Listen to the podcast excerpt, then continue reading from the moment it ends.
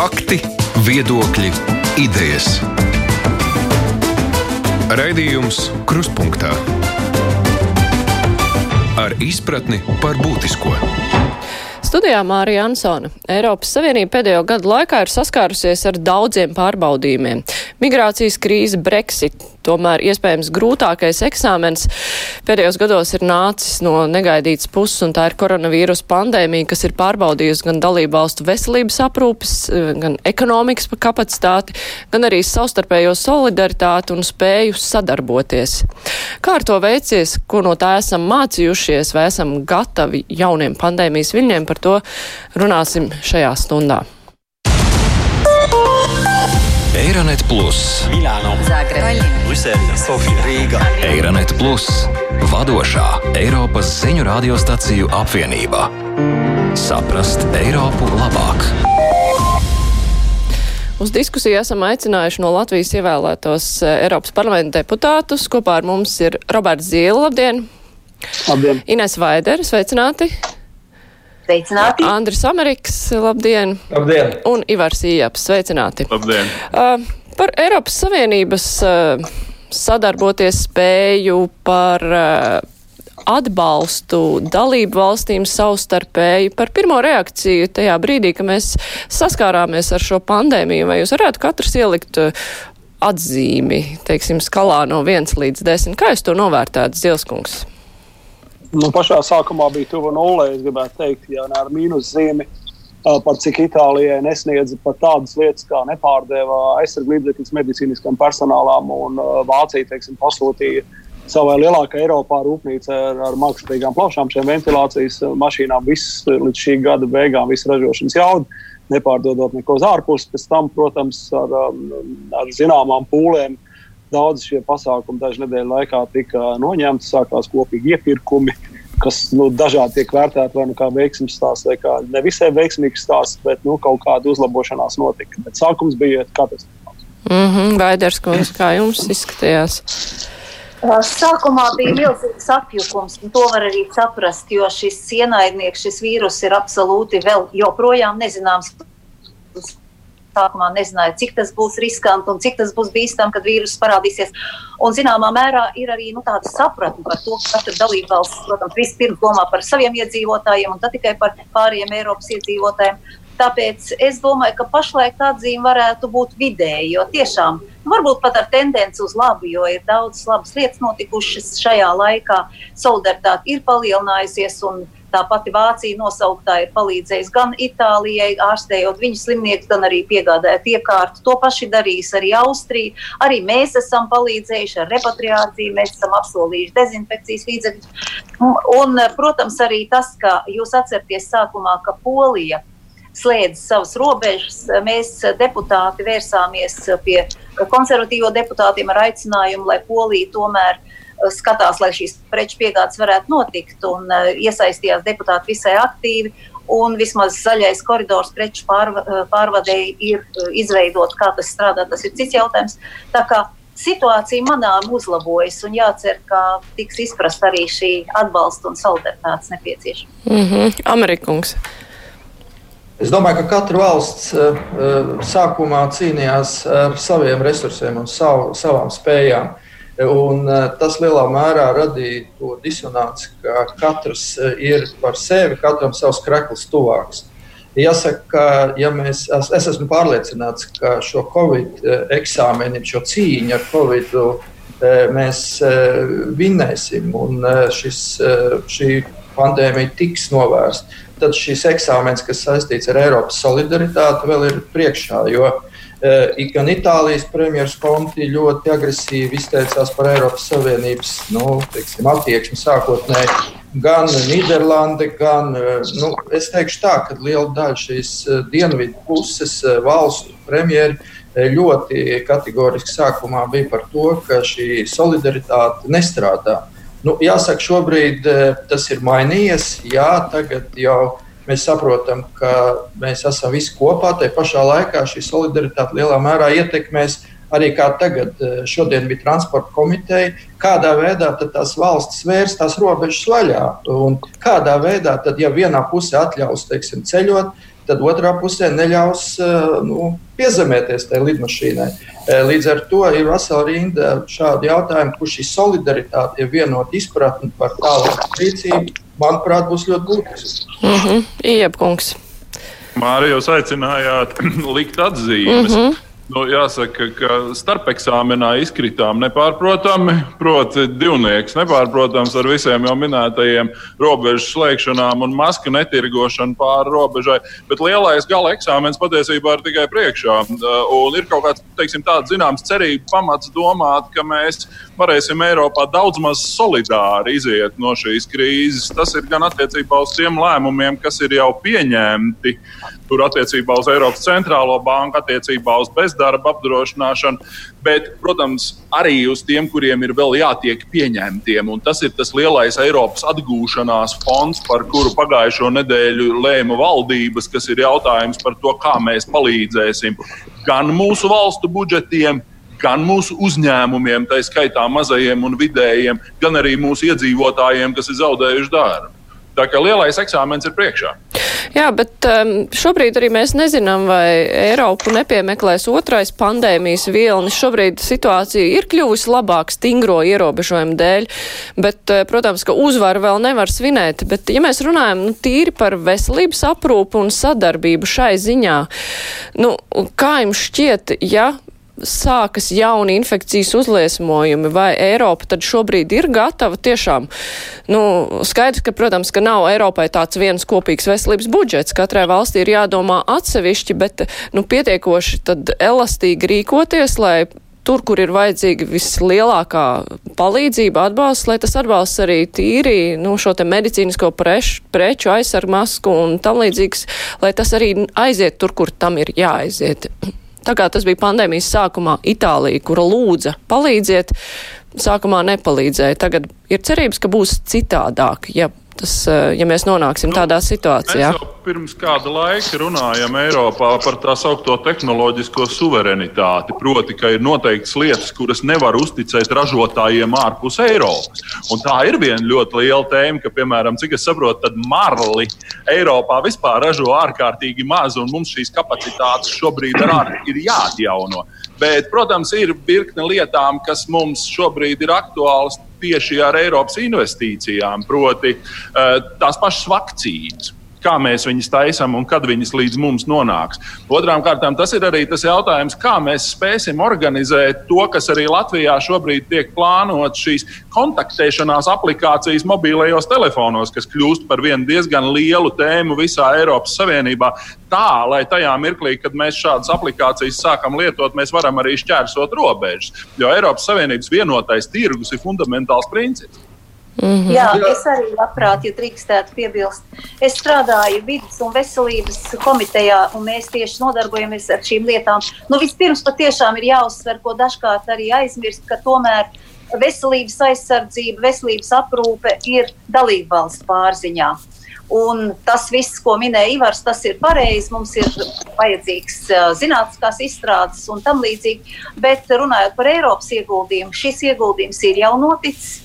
Ir 3 miljardu fonds pieejams dalību valstīm, lai iegādātos aprīkojumu, aizsardzības ierīci. Un tas ir tas, kas uh, tiešām parāda, ka šī solidaritāte pastāv. Un mūsu veselības ministrijai ir aktīvi jāpiesakās šiem līdzekļiem, Jo patiešām mēs nezinām par šo vīrusu neko. Mēs uh, domājam, ka var atjaunoties otrais, trešais vilnis.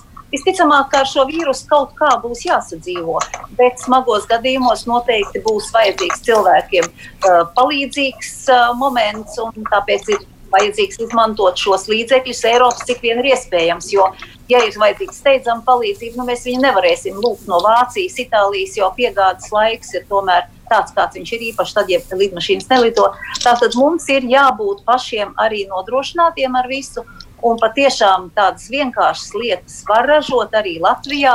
Kaut kā vienu tomēr mēs varam iepirkt ļoti labi, bet varbūt ir tomēr jādomā par krīzes situācijām. Mēs varam ražot arī maskas. Visticamāk, ka mēs varam dažādas iesaiņojumus ražot. Tas tagad varbūt būs tāds stimuls tomēr mazliet paskatīties, ko mēs paši varam ražot uh, iekšzemē Skaidrs, ka mūsu, vienmēr mūsu izmaksas ir bijušas augstākas nekā Ķīnā, un tas ir nodrošinājis tieši to, ka Ķīnas produkcija pie mums ieplūst lielākā mērā, un mūsu ražotāji Eiropā kļūst dažkārt konkrēti nespējīgi, bet parādās jau pirmie signāli, ka arī lielās Itāļu, arī Francijas rūpnīcas domā par to, kā pārdislocēt savu ražošanu uz Eiropu. Nu, arī Latvija ir jādomā ka mums ir vajadzīgs kaut kāds ražošanas minimums arī veselības jomā, ko mēs ražojam paši. Mums ir lieliskas uh, fabrikas, mums ir Olaņa farma, mums ir Rīgas farmaceitiskā rūpnīca un arī citi uh, šādi institūti, kur mēs varam patiešām arī nodrošināt. Uh,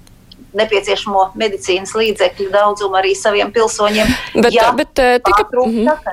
Bet eh, šis te pieminētie kopīgie iepirkumi un fonds eh, kopīgajiem iepirkumiem, vai tur nevar gal galā sanākt tā, ka, nu, jā, ir kopīgi iepirkumi, bet tas, tas ko iepērk gal galā, vai to lielāko labumu, nu, tad dabūna valsts tā kā budžetā. Katrs mēģina eh, deķi pastiept uz savu pusi, un tad beigās ieguvējs ir nevis tas, kuram visvairāk vajag, bet tas, kurš ir vislabāk spējis pamatot, ka viņam vajag zilskungs. Bet, bet es, à, zilskungs.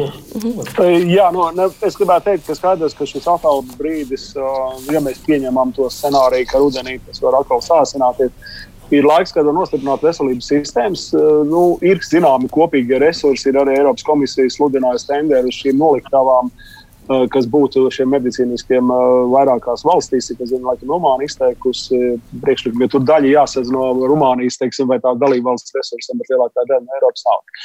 Tātad šie krājumi un veselības sistēma nostiprināšana, tas laiks, kas pašlaik ir jādara. Teiksim, to es domāju, ka tas būtu tas pareizais ceļš veselības sistēmai. Pēc tam varbūt kādreiz pateiks par ekonomikas lietām kopā. Bet uh, vienotā tirgu, ja mēs neticam, ka Eiropas Savienībā varētu arī uh, medicīnisko uh, iekārtu, ekipējumu tirgus pastāvēt un ražot katru visu savā dalībvalstīs, tas nav pareizais ceļš. Tā mēs uh, sadrumstalosim vispār vienoto tirgu un mazajā valstī. Tas, tas galīgi nedara. Paldies! Mm -hmm. Es vēl gribētu piebilst, manuprāt, ir viena ļoti būtisks aspekts, ko ar Eiropas parlamentā debati gāja par to, ka tiešām lielā daļā viss šis medicīnas ekipējums tiek ražots ārpus Eiropas Savienības. Nu, mēs redzam, ka maska, maskas pašizmaksa 2 vai 3 eiro centi no Ķīnas šobrīd maksātu 60 eiro centi vai vairāk iepirkums, kas, kas parāda Un tad tiek eh, debatēts par to, ka tiešām šodien Eiropas Savienības valsts ir atkarīgas, ja Eiropa ir atkarīga no trešajām valstīm, eh, vai tā būtu Ķīna, Indija vai kāda cita valsts. Un lielā mērā, tad, kad notiek šāds krīzes moments, tad eh, nu, tas, tas arī Amerika tieši tāpat ir atkarīga no šīm varbūt daudz lētākām darba vietām, kas ir šajās valstīs izvietotas. Tas, kas tagad notiek, jā, tagad tiek pieņemti šie lēmumi, ka daļu šo ražotņu jo arī šīs medicīnas kompānijas jau ir starptautiskas. Viņas nav vienā valstī bāzētas. Tad atgriezt šo ražošanu eh, daļēji atpakaļ Eiropas Savienībā. Nedomāju, ka tas būs katrā valstī sadrumstalots, es tam piekrītu. Bet eh, skaidrs, ka šīs pašizmaksas tādā gadījumā varētu būt augstākas. Nevis kā ķīniešu maskai 2 vai 3 eiro centi, bet tas var būt arī vairāk. Bet ir skaidrs, ka šī pandēmija vēlreiz parādīja, ka nevar likt uz to, ka šis pasaules globalizācijas ietveros, teiksim, lielā mērā pārvietojot ražošanu uz kādu konkrētu geogrāfisku vietu, tas nu, var radīt arī atkarību pēc tam tieši šādās situācijās. Un tagad nu, lielā mērā da, jauns darba vietas, jauni resursi Eh, jauni iepirkumi arī dos iespēju, iespējams, eh, šodien Eiropas Savienībā šos līdzekļus tērēt savā iekšējā tirgu.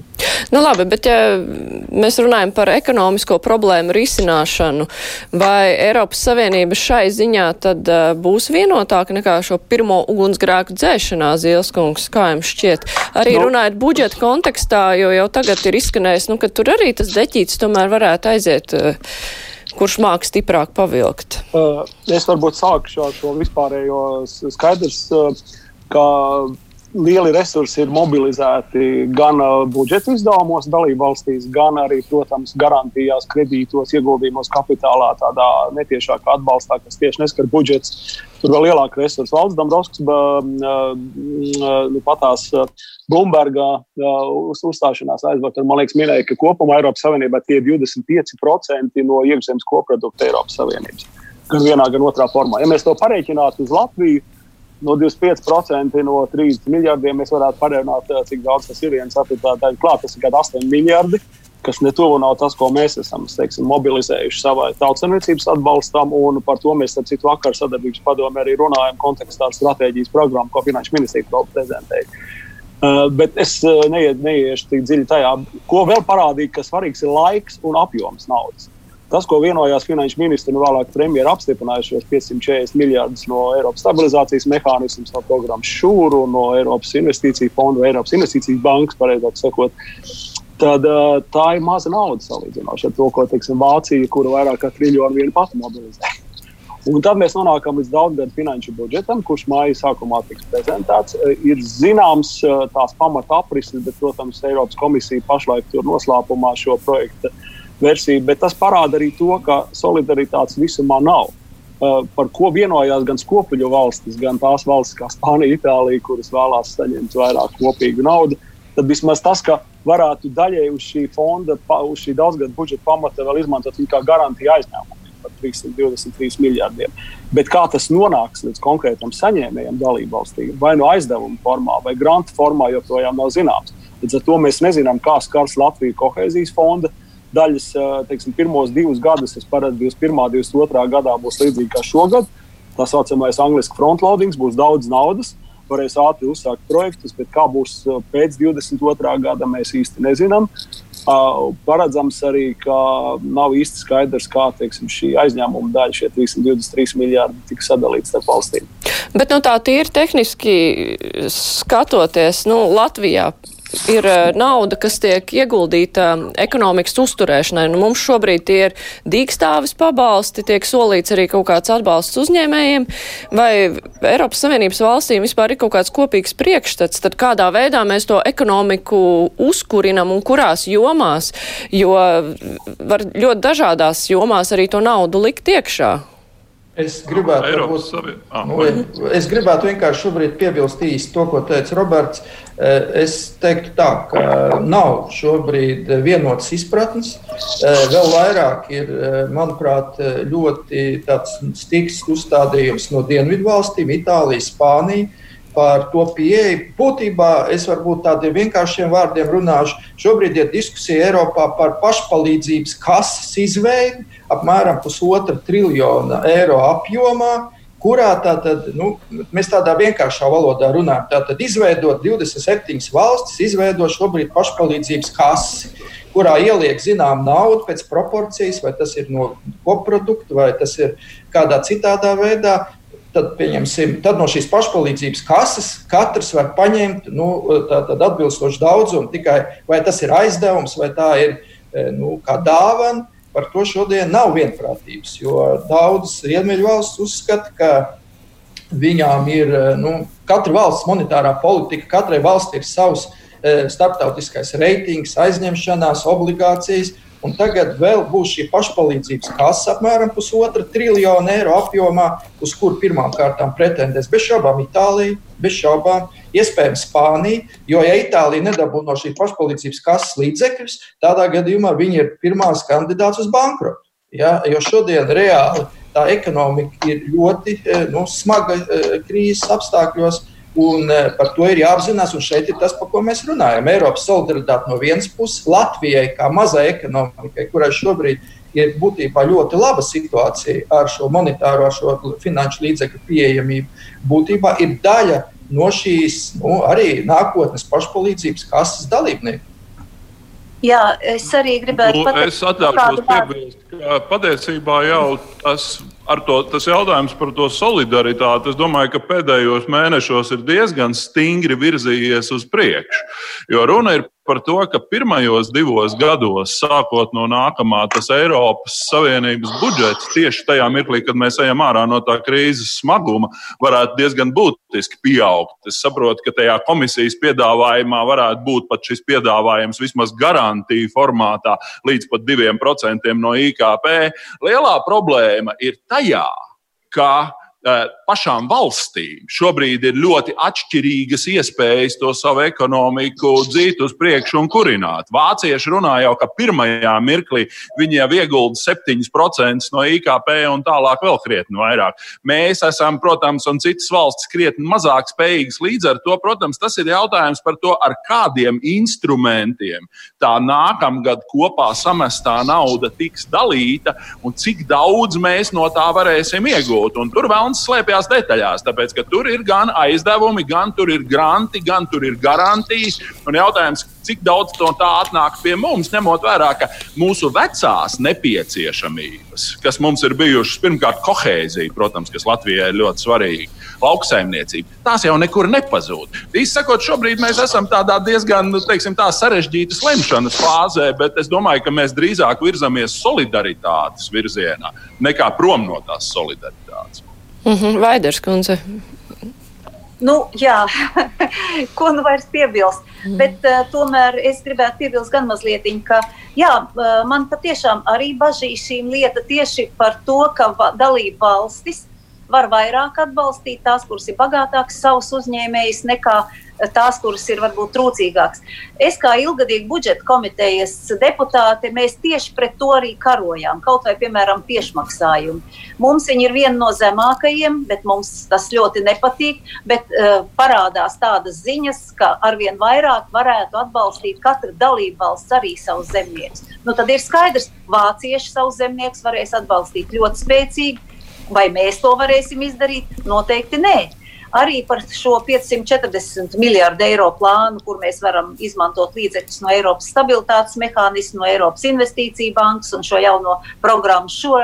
Tas tie visi būtībā ir aizdevumi, bet nav skaidrs, kādas būs šīs nacionālās ap aploksnes eh, dažādos gadījumos, un tātad tiešām šī sadala varētu nenākt mums par labu. Skaidrs ir viens, ka mums ir jābūt aktīviem, mums ir aktīvi jāizvērtē, vai mums ir izdevīgi aizņemties, ko mums ir izdevīgi aizņemties. Ja Eiropas Savienībai izdosies patiešām tā kā uh, Fonderlaina ir teikusi, ja šos griestus Eiropas Savienības iemaksām budžetām izdosies pacelt līdz 2%, tad šos līdzekļus varētu izmantot, lai Eiropa kopīgi aizņemtos, un ja Eiropa kopīgi aizņemsies, tad šie aizņēmumi, protams, būtu izdevīgāki. Bet ļoti svarīgi ir arī granti. Un arī te jāpiemina Fonderlaina, kura noteikti teica, ka nu, viņa mēģinās um, ievērot šo uh, maksimāli izdevīgo sadarbību starp grantiem un starp uh, aizdevumiem. Uh, tā, kā, tā ir tāda cerība. Un varbūt ir vēl viena tāda labā ziņa, ka pašlaik, nu, ja šeit vispār var runāt par labām ziņām, ka tagad dalībvalstis ir kļuvušas mazliet pielaidīgākas, jo Eiropas parlaments, es tiešām strādāju Vaigas Sviedrā, uh, Sviedros uh, budžeta komitejā, un mēs cīnījāmies par šo 1,3% no nacionālā kopienākuma iemaksām budžetā. Tagad lūk jau sāk runāt, ka vismaz griestus varētu pacelt līdz 2%, bet griezti ir griezti, reālās iemaksas reālās iemaksas Un eh, es domāju, ka kamēr dalību valstu finanšu ministri, premjeri nevarēs satikties acis pret aci, mums būs ļoti grūti runāt par vienošanos. Jo uh, Marks Rutte no Nīderlandes premjeras teica, ka viņš grib redzēt kolēģi acis. Un skaidrs, ka šīs diskusijas būs ļoti smagas. Bet katrā ziņā ir cerība arī uz zināmu solidaritāti, jo šī krīze parādīja, cik mūsu kopā turēšanās ir svarīga. Un tomēr arī daudz jūs teiktajā izskanēja tā pesimistiskā nots, ka tomēr tā sadala varētu arī nebūt kaut vai mums labvēlīga, bet nu, kā izskatās, vai kopumā tad šī ekonomiskā plaisa starp dažādām valstīm tagad varētu palielināties vēl vairāk, Zilskungs? Jā, bez šaubām. Manuprāt, tas ir tās bažas, ko es arī mēģinu vērst Latvijas valdības uzmanību.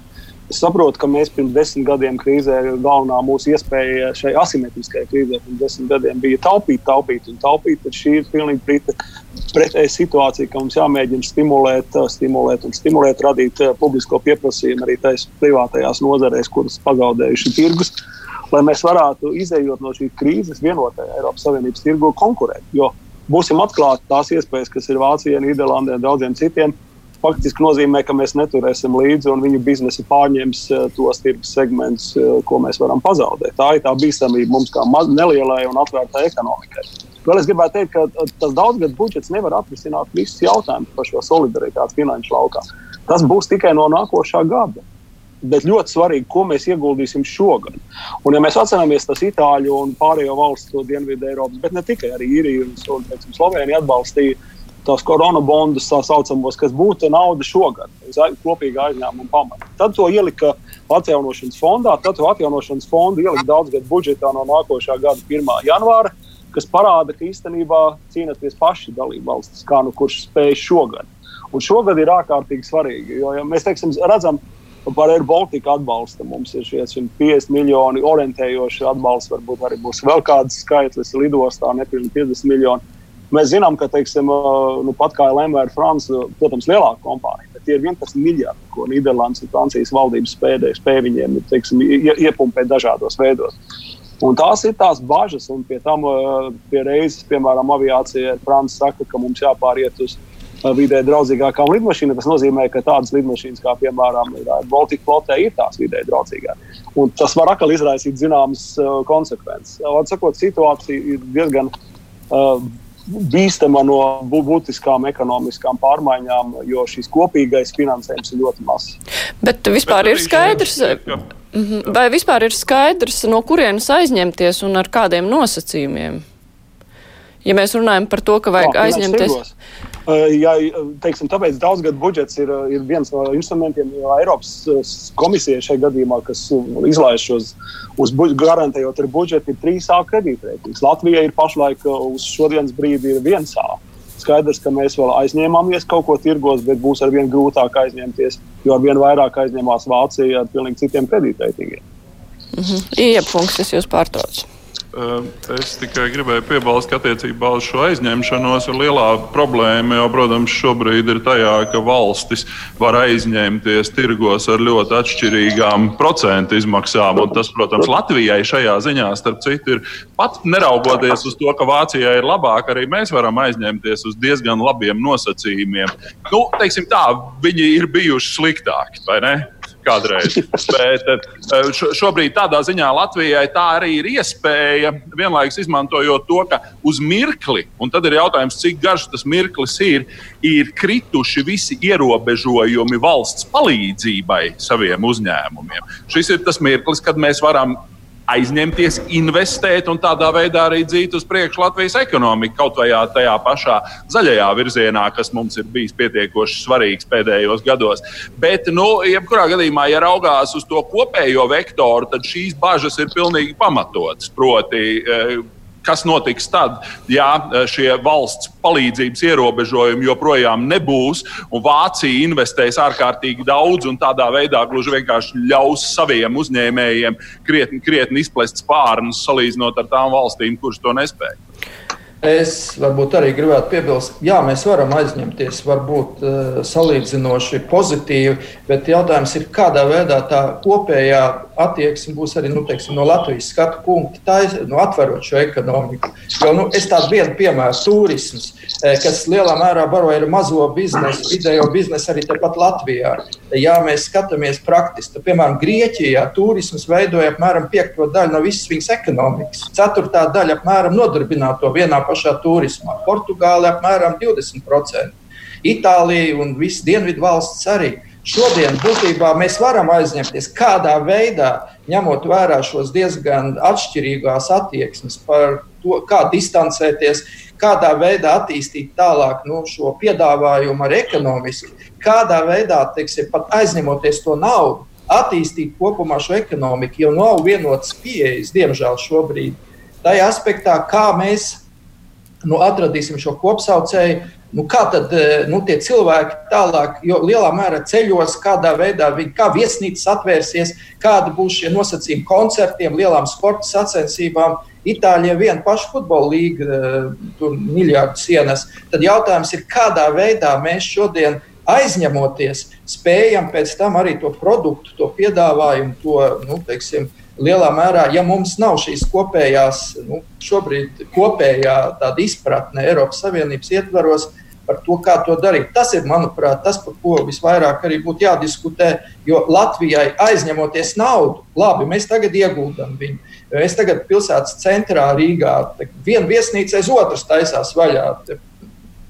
būvējis, nu pat tur nodos vēl trīs viesnīcas. Es tagad gāju garām, nu pat Hiltons jau ir gatavs. Kādā veidā mēs aizpildīsim šo ekonomisko robu? Un, manuprāt, te ir ļoti liela nozīme valsts vadītājiem, nu šim Eiropas padomē, kādā veidā tomēr atrast vienotu nostāju. Nu, aizņemoties, bet atverot tirgu. Mm. Jā, Vaiders kundze, jūs gribējāt par šo piebilst? Mhm. Jā, arī par šo es varu piebilst. Šeit jau ir tāds arī diezgan, parādās tāds filozofisks jautājums. Mēs gribam vairāk Eiropas vai mazāk Eiropas, jo arī tie, kas visu laiku līdz šim ir teikuši, ka mums vairāk brīvības nacionālajām valstīm, mums ir jādod tikai ļoti minimāls uh, priekšrocības vai lemšanas iespējas Eiropas Savienībai. Tagad es dzirdu, ka tomēr šajā situācijā Nu, tie, kas līdz šim ir bijuši noraidoši pret vairāk Eiropas, pēkšņi kļūst par cilvēkiem, kas uzdod ļoti daudz jautājumu, kāpēc Eiropa nedara to, kāpēc Eiropai nav skaidra bilde. Nu, tātad mums ir jādomā, un tiešām par to ir jādiskutē, vai mēs gribam vairāk Eiropas vai mēs gribam mazāk Eiropas. Ko es redzu Latvijā, gan steidzami, kas ir jāizdara. Latvijā apmēram 60% no mūsu nacionālā ienākuma tiek radīti nozarēs, kas ir orientētas uz eksportu. Skaidrs, ka šobrīd eksporta tirgi lielā mērā ir cieti, un mums ir jādomā, kā šīs nozares noturēt, kā šīs nozares parāda, padarīt um, eksporta spējīgas, jo kaut kad jau pasaule atvērsies. Mēs, um, Eiropas parlamenta deputāti, arī esam ļoti labi uzdot jautājumus, bet nevienmēr mums ir šīs atbildes. Bet atbildes mēs tiešām uh, paši varam saņemt, diskutējot savā starpā. Mēs gaidām arī no Eiropas komisijas uh, šīs atbildes. Bet eh, kas man liekas arī vēl ļoti svarīgi, attīstīt arī tās nozars, kas tiešām strādā arī uz iekšējo tirgu. Jo infrastruktūra Latvijā, nu būsim atklāti, ceļa infrastruktūra ir visai atpalikusi. Tāpat būvniecībā ir ļoti daudz sakārtojumu lietu. Arhitekti tagad arī domā, būs mums vai nebūs mums uh, šie konkrētie pasūtījumi. Un daudz nozars, ko mēs tiešām varētu attīstīt Latvijā, lai cilvēki nebrauc prom ir jādara tagad, kad tiešām ir valsts atbalsts, mums ir pieejama. Atšķirībā no daudzām citām valstīm, mums ir pieejami pietiekami līdzekļi arī valsts kasē šobrīd. Nu, mēģinām atbalstīt savus uzņēmējus, lai viņi noturās ne tikai ar digitālus pabalstiem, bet tiešām ir jāsāk strādāt. Un būtībā mums ir ātri, ātri jāmēģina atsākt strādāt, ievērojot piesardzības pasākumus, bet jāstrādā ir, lai mēs tiešām savu ekonomiku, lai nenotiktu tas, ko Lagarde saka, mīnus 15%, varbūt Latvijā saka, varbūt būs mīnus 20%. Nu, tas būtu ārkārtīgi sāpīgi mūsu iedzīvotājiem. Izmantojam šīs iespējas, kas ir tagad. Jā, es gribētu atgādināt klausītājiem un arī skatītājiem par mūsu šīs dienas studijas viesiem. E, šeit kopā ar mums ir Eiropas parlamenta deputāte Roberts Zīle. Cik es saprotu, jums ir jādodas jau uz nākamo, šķiet, internetu tikšanos. jā, tad es jums e, arī saku uz, jā, uz redzēšanos. Jā, nu, ja jūs gribētu vēl ātri piebilst. Neko Uh, es gribētu kaut kā teikt, tomēr, ka šīs lietas, kas attiecas uz uh, vienādu finansējumu iespēju nodrošināšanu uh, visām Eiropa, Eiropas Savienības valstīm, īpaši Eirozonā, atrodoties vienā monetārā savienībā, tas ir daļa no godīgas konkurences apstākļiem vienotajā tirgū. Uh, Tāpēc tas nav prasība pēc vairāk Eiropas. Tas ir pēc to, ka lūdzu turpināsim eh, konkurēt puslīdz godīgi vienotajā tirgu. Bet šī brīdī, lai nepazaudētu šīs tirgus daļas, Latvijai, piemēram, citām bagātākām valstīm, ir svarīgi šos nosacījumus uzturēt. Jo pašlaik ir tāds zināms Eldorado. Valsts atbalsts ir atļauts, ja kāds gandrīz varētu teikt Eiropas Savienībā, kur, nu, kurš spēj. Un otrkārt, nu, un katrs aizņemās cik daudz var, jo nekādi teiksim, lielie makroekonomikas kritēriji nav jāievēro pašām dalībvalstīm. Un šis ir tāds, bišķī, tāds kā bija Amerikā Lielā depresijas laikā. Tur gan cīnījās sakot, dažādi, daži kļuva ļoti, ļoti turīgi pēc šīs depresijas laikiem Amerikā un daži kļuva pavisam nabadzīgi. Es domāju, valkot šīs paralēlas ar simtgadu vēsturi, mums jāsaprot, ka mēs negribam nokļūt tādā situācijā Latvijā. Bet cerēsim uz to labāko. Paldies! Jā, paldies. tad es saku paldies Robertam Zīlēm, bet turpinam diskusiju ar deputātu Andru Ameriku, Ivaru Ijabu un Ines Vaideri. Raidījums Krustpunktā. Jā, te jau vairākas reizes tika pieminēta dzīve pēc uh, ierobežojumiem. Mēs jau nevaram pagaidām runāt par to, ka būs uh, drīzumā dzīve pēc pandēmijas, jo galu mēs pagaidām tā neredzam, bet tomēr agri vai vēl nāksies runāt uh, kaut vai par robežu atvēršanu. Protams, pirms tam arī par kaut kādu ierobežojumu mīkstināšanu dalību valstīs uz vietas uh, robežas tiks slēgts ļoti haotiski. Tur uh, arī bija šie koridori izsludinātie, kur īstenībā nedarbojās, un pie polijas robežas bija milzīga drūzmēšanās. Robeža atvēršana, vai tā varētu notikt koordinētāk, vai kaut kas par to liecina iekungs? Par to liecina tas, ka šobrīd Eiropas komisija pie tā strādā, lai izveidot šādu pieeju. Cita problēma ir tā, ka tur nav vienota algoritma, proti, kurā mirklī mēs drīkstam vērt vaļā robežu robežas. Mēs zinām, ka Merkele ir piedāvājusi vienu algoritmu, e, kurš ir, nu, respektīvi, ja tev desmit dienu laikā nedubultojās inficēto skaits, tad tas ir solis, ka viss ir pareizā virzienā un ka vērt vaļā. Jautājums ir, vai mums, piemēram, Latvijā vai citās valstīs būs līdzīgs algoritms. Šobrīd viņi mēģina vienoties par algoritmu. Viena, starp citu, ļoti liela problēma Eiropas Savienības kontekstā tieši saistībā ar šo pandēmiju ir tas, ka nav vienotas uzskaites un statistikas, kas arī lielā mērā ir novedis pie tā haosa haosa, jo nav skaidrs, kas kurā valstī notiek un kādi kurā vietā būtu ievedami ierobežojumi. Tā ir viena no tēmām, pie kā arī ir jādomā. Proti, ja raugās uz priekšu un to, ko jūs prasījāt pirms tam, proti, šis iespējamais otrais vilnis, tad attiecībā uz otro vilni tur ir kas ir jādara. Pirmkārt, jāinvestē veselībā, otrām kārtām ir jādomā par vakcīnām, kuras nu, mēs varbūt nākamgad varam sagaidīt. Bet trešām kārtām ir jādomā par kaut kādu vienotu statistiku un vienotu pieeju tiem ierobežojumiem. Jo citādi tiešām ir tā, ka nu, tur vienā valstī ir vaļā restorāni, ja tur pat tās dažas simtus metru tālāk Citā valstī ir viss pilnīgs lockdown un bezmazoja karantīna. Tā kā izsakot, pie tā Eiropas komisija strādā, bet nu, valstu, kā jau tika kolēģi Vaidere norādījusi, veselības aprūpas sistēmas līdz šim ir bijušas nacionālā prerogatīva, un tie nacionālās valstis nevienmēr labprāt laiž iekšā tos Eiropas regulētājus. Vaiders kundze, runājot arī par šiem ierobežojumiem katrā valstī uz vietas. Uh, nu, tiek runāts par eh, kaut kādu tādu kopīgu skatu, tad eh, kādā brīdī mēs ko ierobežojam, vai tas viss ir atstāts arī tāpat kā veselības aprūpe, tīri dalību valstu ziņā. Un tad var sanākt tā situācija, par ko Ievakungs nu pat minēja.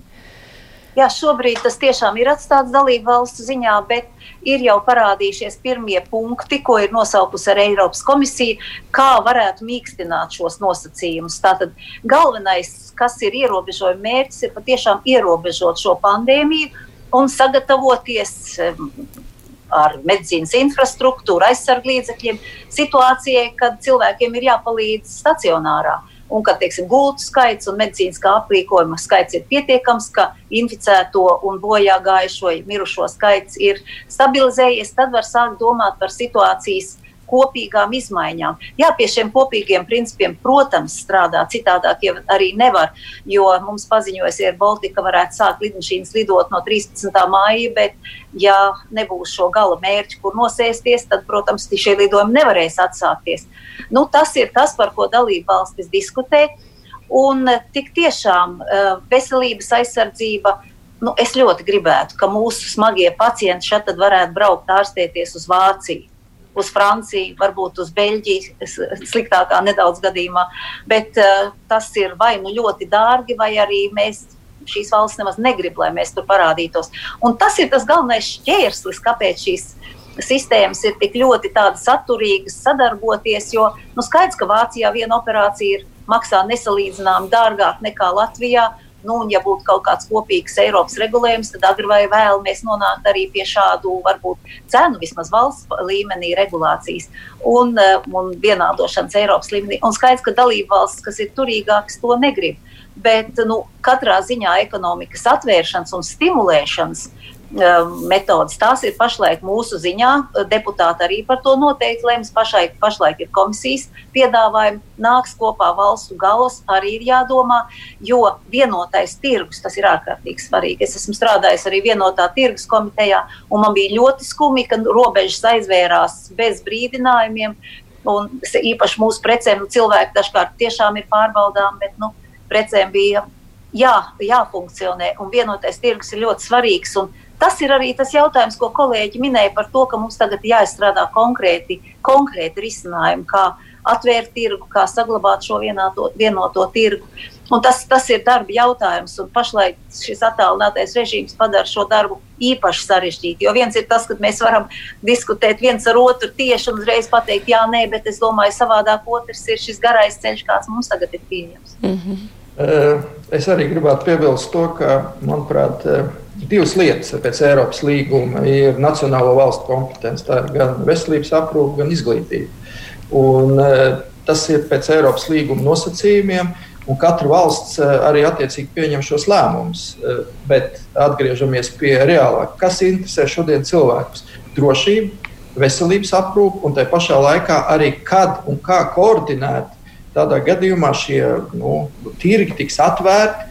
Un tad ir runa par to, ka šodien no rīta bija transport, Eiropas parlamenta transporta komitejas sēde, kur transporta komisāri Adīna Valēna arī ļoti centās izskaidrot, ka nav šobrīd citas iespējas kā tieši tā, ka vajag vienoties gan par šo gaismas satiksmes eh, kaut kādu kopīgu pieeju.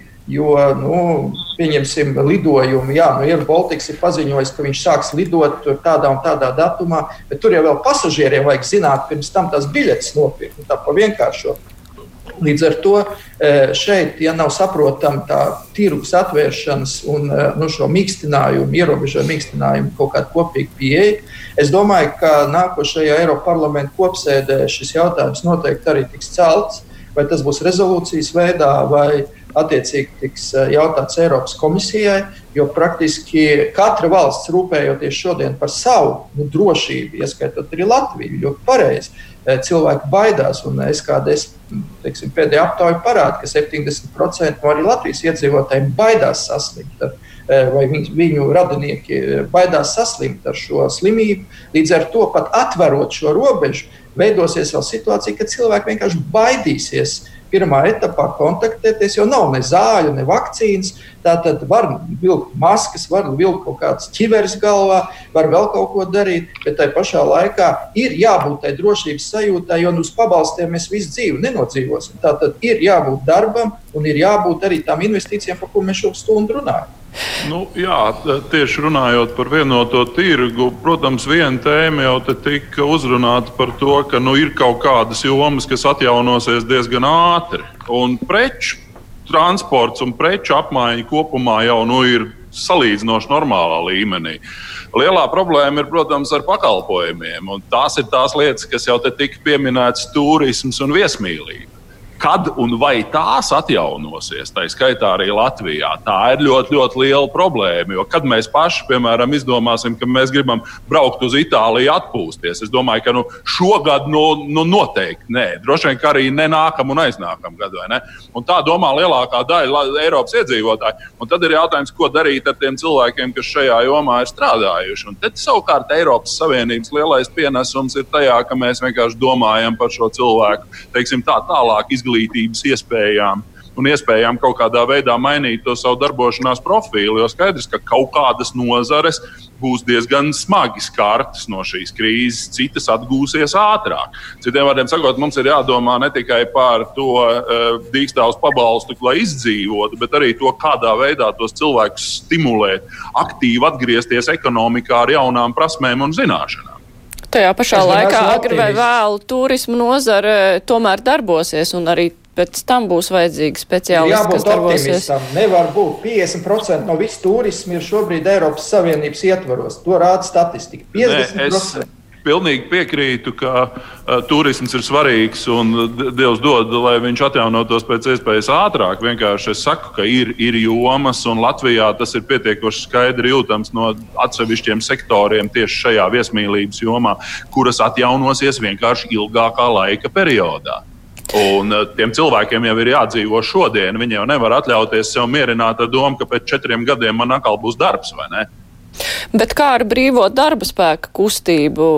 Jau pirms mēneša Vācija runāja par to, ka viņiem būs, nu, ka viņi ļaus uh, ierasties uh, strādniekiem, kuri strādā, nu, te, terminēti tur kaut kādos lauku darbos.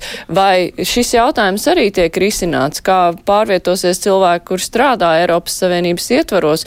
Protams, ka daļa no Latvijas pilsoņiem atrodas kaut kādās valstīs, daļa ir atgriezušies, bet eh, nu, šis te pārvietošanās process starp valstīm, tas jau arī nevar apstāties, jo tas darba spēks ir nepieciešams. Bet to katra valsts regulē. Vēlreiz mēs atgriežamies pie tā, ka katras valsts šobrīd nosacījumi šķērsot robežu atšķirās Polija. Atšķirās Latvija vispār nav slēgusi savus robežas. Sāksim ar to. Slēgus robežas ir Igaunija, slēgus robežas ir, ir Lietuva, ja mēs skatāmies no mūsu puses. Tā pašā laikā šodien iebraukt Polijā praktiski neiespējami. Tas ir tas, par ko arī runā šī brīvā darba spēka kustības ietvaros. Ja Vācija šobrīd saka, ka viņa ir gatava uzņemt ar kaut kādiem nosacījumiem cilvēkus, kas nu, iebrauc Eiropas zonas ietvaros, tad tas arī ir jau noticis. Jau Rumāņi Eh, jau Rumāņu pilsoni, eh, es domāju, arī daļa Ungārijas pilsoņu tur ir ieradušies. Tāpēc, ka sākās lauksaimniecības posms, es pieļauju, ka tas arī ir viens no tām sastāvdaļām, par ko mēs runājam. Brīva pārvietošanās ar automašīnu, ar lidmašīnu, ar autobusu, vilcienu. Jo arī vilcienā, kā tu sēdēsi, vai tu sēdēsi divu metru attālumā vai nesēdēsi. Tie visi ir tie nosacījumi, ka varbūt eh, šodien būs kaut kāds, kā es teicu, maskas jāvelk galvā visiem jeb, jeb ķivers eh, sēdēs blakus vilcienā viens otram. Nu, cik man ir zināms, arī mūsu lauksaimniecībā ir savas problēmas. Cilvēki, jau, kas strādā lauksaimniecībā, jau izsmeļas, saka, ka mums arī ir vajadzīgi sezonas strādnieki.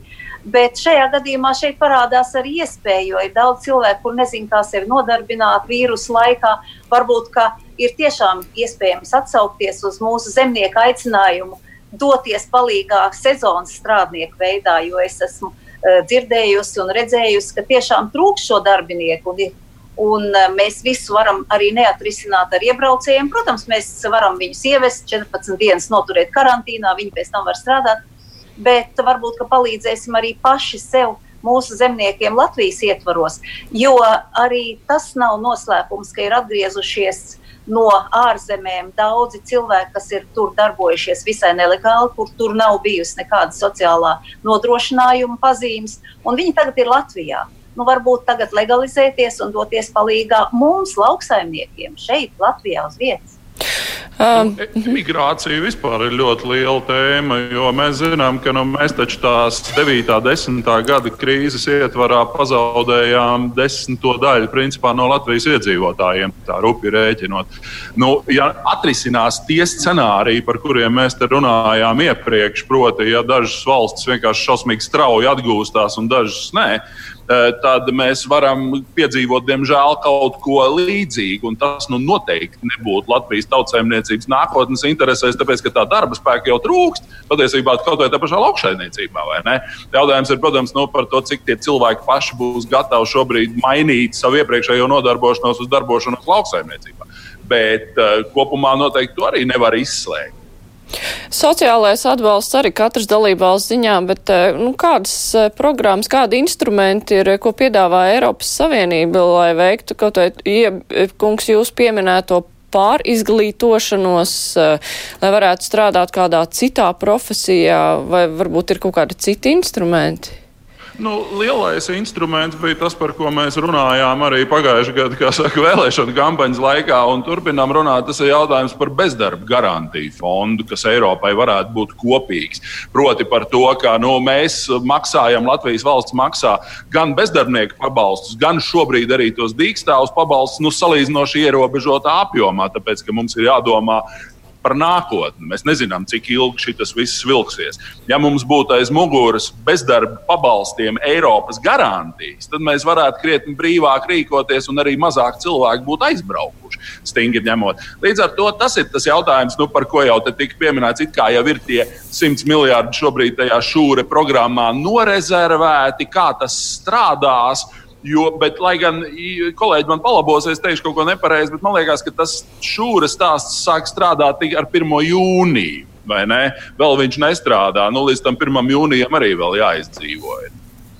Viņš arī pēc 1. jūnija vēl nebūs gatavs. Tad tikai atverās šī pieeja, kas nozīmē, ka vēl ir jāsagatavo attiecīgi nu, aplikācija, savu teiksim, eh, plāni, kādā veidā un uz kādu apjomu arī Latvija šajā gadījumā var pretendēt. Tiešām patreiz ir tāda nu, zināmā pauze visā procesā kas eh, nebūtu nav, nenāk par labu ne Latvijas, ne arī visas Eiropas valstu. Nu, šobrīd šai diskusijai, jo tikai ar ceturto reizi arī valstu vadītāji Eiropas padomē vienojās beig beigās ar ceturto reizi, ka ir tomēr jābūt eh, kopējiem šiem redzējumam par finansēm. Pirmās trīs reizes bija ne, nu, neveiksmīgas, es ceru, ka tagad arī nākošā, piektā reize, vismaz varētu kaut kādā veidā arī dot skaidrību Eiropas pilsoņiem. Nu jā, bet tas, ka mēs varēsim Eiropa kopīgi aizņemties šais finansu tirgos un tiešām šie 100 miljardi eiro ir rezervēti, tas tomēr rada to drošības sajūtu. Nu, izdzīvosim šeit valstī vismaz līdz jūnijam, bet jūnijā tiešām, tad, kad būs notikusi šī aizņemšanās un programma būs sākusi strādāt, nu, tad katrā ziņā tie aizdevumi būs arī izdevīgāki, jo, kā jau šeit izskanēja, tad mums ir ļoti labs kredītreitings Eiropai kopumā, un tad finanšu tirgus aizņēmumi būs izdevīgi, un valsts varēs savukārt aizņemties lai šos bezdarba pabalstus turpinātu maksāt, kas būs ļoti svarīgi, jo cilvēks mēs nevaram pazaudēt. Jā, mums ir pēdējā pusotra minūte palikusi kā no jūsu puses izskatās, nu, kad varētu parādīties kaut kāda kopīgas vienošanās par nu, lēmumiem, lai mīkstinātu šos te ierobežojumus dalību valstīs, lai domātu par kaut kādu robežu lielāku atvēršanu. Skaidrs, ka ir, nu, no vienas puses tā ir zīlēšana, bet tomēr vai ir jau minēti, nu, kaut kādi termiņi, nu, cik ilgi Eiropas Savienība vispār var izturēt šajā ļoti stingrajā? Francija teica, ka viņi nedēļas laikā piedāvāt. Vismaz tādas ziņas, ka Francija Francija piedāvās Eiropas komisijai savu redzējumu. Nu, pēc kāda nedēļas, kā, kā viņi to redz, ir grūti pateikt. Tur ir jāpiekrīt Eiropas komisija šobrīd tur noslēpumā visus savus šos soļus. Jo, manuprāt, viņi arī gaida nu, Vācijas, Aha. Francijas attieksmi. Andri, es pat nedomāju, ka viņi tur noslēpumā. Es vienkārši varu teikt, ka viņi nezina. To es varu teikt ar lielu pārliecību, jo tiešām tam visam ir vajadzīgs laiks apsmadziņot un izdomāt, kā tas viss varētu notikt. Un tā kā es gribētu vēl uh, pateikt uh, dažus vārdus, ja jau man tāda iespēja ir, ka uh, nu, pat infektologi saka, nu nekritīsim panikā. Mēģināsim sevi uzturēt ar optimismu, mēģināsim pēc iespējas daudz kustēties, doties brīvā dabā, kas ir atļauts, ievērot stingri visu, ko mums valdība saka, kustēties, vingrot, skriet, veselīgi ēst. Jo stipra imūnsistēma ir tā, ko mēs varam uzdāvināt no savas puses lai šī cīņa ar vīrusu pavisam nezināmo vīrusu tomēr kļūtu redzamāk. Jā, un katrā ziņā mēs Latvijā to varam arī ievērot. Mums laiks, diemžēl, beidzies, iepunks tur vairs nav. Nu, paldies, Vaiders kundze. Jā, bet ir, novēlējums bija ļoti labs. Es saku paldies, Andris Amerikas, Ivars Ieps, eh, Ines Vaidere, Vaidere, Eiropas parlamenta deputāti, piedalījās mūsu izdienas diskusijā. Rīt kruspunktā mēs runāsim par to, kā palīdzēt uh, cilvēkiem, kuri ir cietušajā Covid krīzē tieši no sociālā atbalsta iespējami, jo mūsu mūsu studijā būs labklājības ministra Ramona Petrāviča un viņa iztaujās žurnālisti kopā ar uh, klausītājiem.